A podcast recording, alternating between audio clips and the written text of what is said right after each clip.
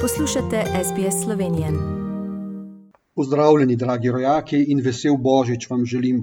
Še zadnjič v letu 2022 se vam oglašam s pregledom najpomembnejšega športnega dogajanja v Sloveniji v minulih 14 dneh. Razumljivo so bili v spredju dogodki na snegu. Smučari skakavci so opravili s tekmami v Klingentalu ter Engelbertu. Na prvem prizorišču v Nemčiji se je od naših sedmih mestom najbolje izkazal Cene Prevc, v Švici pa je bil na prvi tekmi Timi Zajc odličen tretji, na drugi pa Anže Lanišek sedmi. Po devetih od skupaj 24 tekem, kolikor jih bo na sporedu v svetovnem pokalu letošnji sezoni, je Anže Lanišek v skupnem seštevku odličen četrti, Cene Prevc je deveti, Timi Zajc pa trinajsti. Kar tri odlične dosežke ima v minulih 14 dneh za seboj naša najboljša šprinterka v smučarskem teku, Ana Marija Lampič.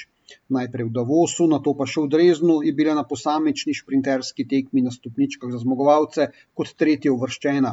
V Dreznu pa ji je enak dosežek uspel tudi na moštveni tekmi v paru z Evo Revc, kjer sta prav tako osvojili tretje mesto. Najboljša dosežka alpskih smučarjev in smučark sta bila v zadnjih 14 dneh dosežena na smukaških strminah.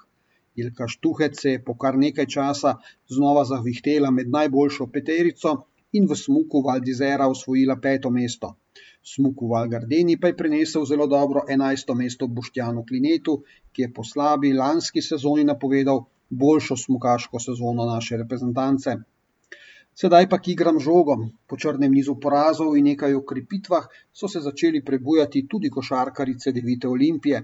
V Jadranski ligi jim je uspel podvig zmago na gostovanju v Beogradu proti Partizanu, na to pa tudi podvig zmago v Eurokapu na gostovanju v španski Valenciji.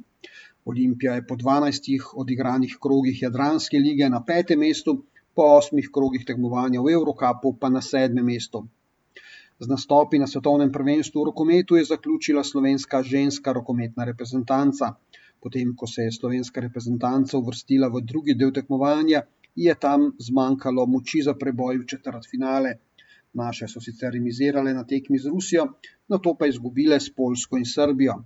Slovensko reprezentanco sedaj prihodnje leto čaka Evropsko prvenstvo, ki ga bodo odigrali na domačih tleh.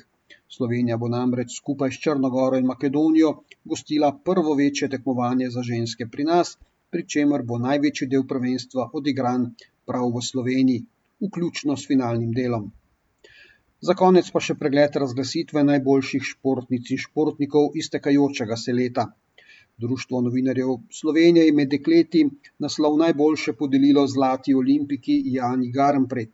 Za njo sta se uvrstili judoistka Tina Trstenjak ter smučarska skakavka Nika Križnar. Pri fantih je slavil zmagovalec dirke po Franciji Tadej Pogačar pred zlatim olimpijscem, kolesarjem Primožem Rogličem ter košarkarjem Luko Dončičem.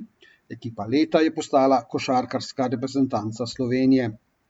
Tako, to je bilo športno leto 2021. Še eno v nizu, ki nas je slovence naredilo ponosne na to, kar smo in na to, kar zmoremo. Naj bo tako tudi v letu 2022. Naj vas spremljata zdravje in veselje. Srečno novo leto vam želim, Tomaš Ambrožič.